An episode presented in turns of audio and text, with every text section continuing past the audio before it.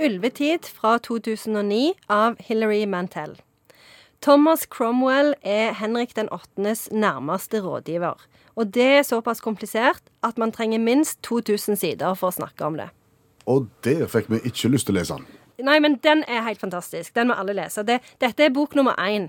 Bok nummer én. Ja, dette- og han er, har jo ikke sett noe tjukkere siden den gamle Bibelen. ja, ja, det, er bare, det er bare 650 sider. Så det bare litt sånn stort trykk. Oh, ja. men, men de 2000 sidene, det Ja, for det var, da regnet jeg med liksom, eh, For bok nummer to er like tjukk, og så kommer bok nummer tre neste år. Har endelig fått publiseringsdato. Så dette, nå tenker jeg det er på tide å ta opp denne her for de som ikke har lest den, og begynne å lese den. Hva var det det handla om, sa du?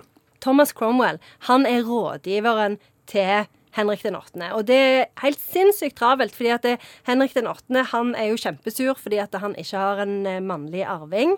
Eh, han vil skille seg med kona si, som han har vært gift med i 20 år, Katarina fra Spania, fordi han vil jo gifte seg med Anne Boleyn. Eh, han vil ikke ha noe med paven å gjøre, for han er en kjempesure på.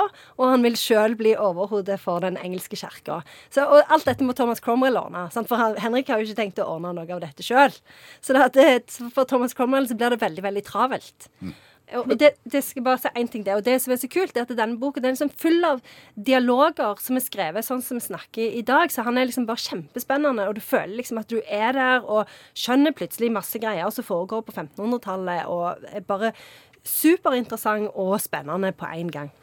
Men dette har det jo nylig vært lagd en omfattende TV-serie av nettopp dette her. Er, er det liksom biografisk, eller er det dikting ut ifra hi historien?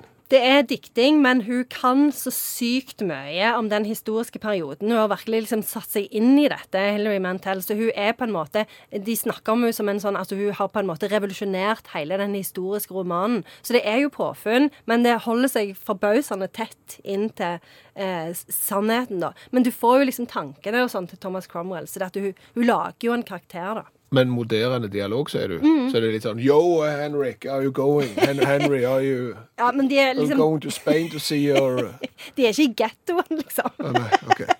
Men hun bruker ikke sånn healthy sire og sånne ting. Det er liksom, Hun bruker eh, språk som er lett å forstå. Eh, og det som òg er veldig kult med henne, det er at hun Ja, nå glemte jeg hva som var veldig kult. Jo, jo, at det, det er liksom litt sånn Game of Thrones for intellektuelle, på en måte. For det er jo sånn maktkamp og sånne ting som en får i Game of Thrones. Så, så Game of Thrones er utgangspunktet for ikke-intellektuelle? Ja, det vil jeg si. Det vil jeg si. At og det er brannfakkel. Ja, det er det det? Nei. Og, og, og hvem er det som liker Game of Thrones her inne i studio? Jeg elsker jo Game of Thrones. Ja, sant, Og vi gjør ikke. Nei, Og hvem er det da som framstår intellektuelle? Ser du at det her faller på steingrunn? OK, jeg Ja. følte For stort mer. Men de hadde et poeng. For du er den, det intellektuelle alibiet i dette programmet, mens vi derimot er jo helt okay, la meg altså, Mer folkelig og trekkspill og cowboystøvler kan det ikke bli. Så La meg omformulere. Det er Game of Thrones uten drager, da. Men med ulv? Nei, ja, eller, det er jo ikke noen ulver heller. Nei, men han heter Ja, Ulvetider. han gjør det, men det er liksom uh, Skumle folk. Å ja. Kunne like så godt vært ulver, så skumle er de. Akta deg for vergen! Ja, men Det var godt du sa det, sånn at ikke plutselig alle fra Hedmark nå går og bare springer til bokhandel og bibliotek for å få tak i denne her ulveboka. Så viser det seg at det var jo ikke en ulv inni den. Ok, da har vi vært igjennom eh, en tredjedel av eh, dette verket. her. 2000 sider vi har tatt de første 600. Ja. Kan du oppsummere de første 600 for oss? Ja, det er vel 1500-talls eh, reality. Eh, eh, Henrik den 8. og alle bataljene rundt han, og at han egentlig har mer lyst på Anne Boleyn enn eh, kona si, og syns at paven er en tosk, eh, og den slags. Og så fins han jo som TV-serie fra 2015, tror jeg, i syv episoder. Så hvis du ikke gidder å, å dra deg gjennom alle de sidene der, så går det jo an å sitte i sofaen og se han istedenfor. Men eh, Stigen Drangsholt anbefaler boka. Ja, du skal jo gidde å lese boka. Nå skjønner jeg ikke helt hva du snakker om, Bjørn Olav. Unnskyld. Tusen takk, Janne Stigen Drangsholt, forfatter og litteraturviter.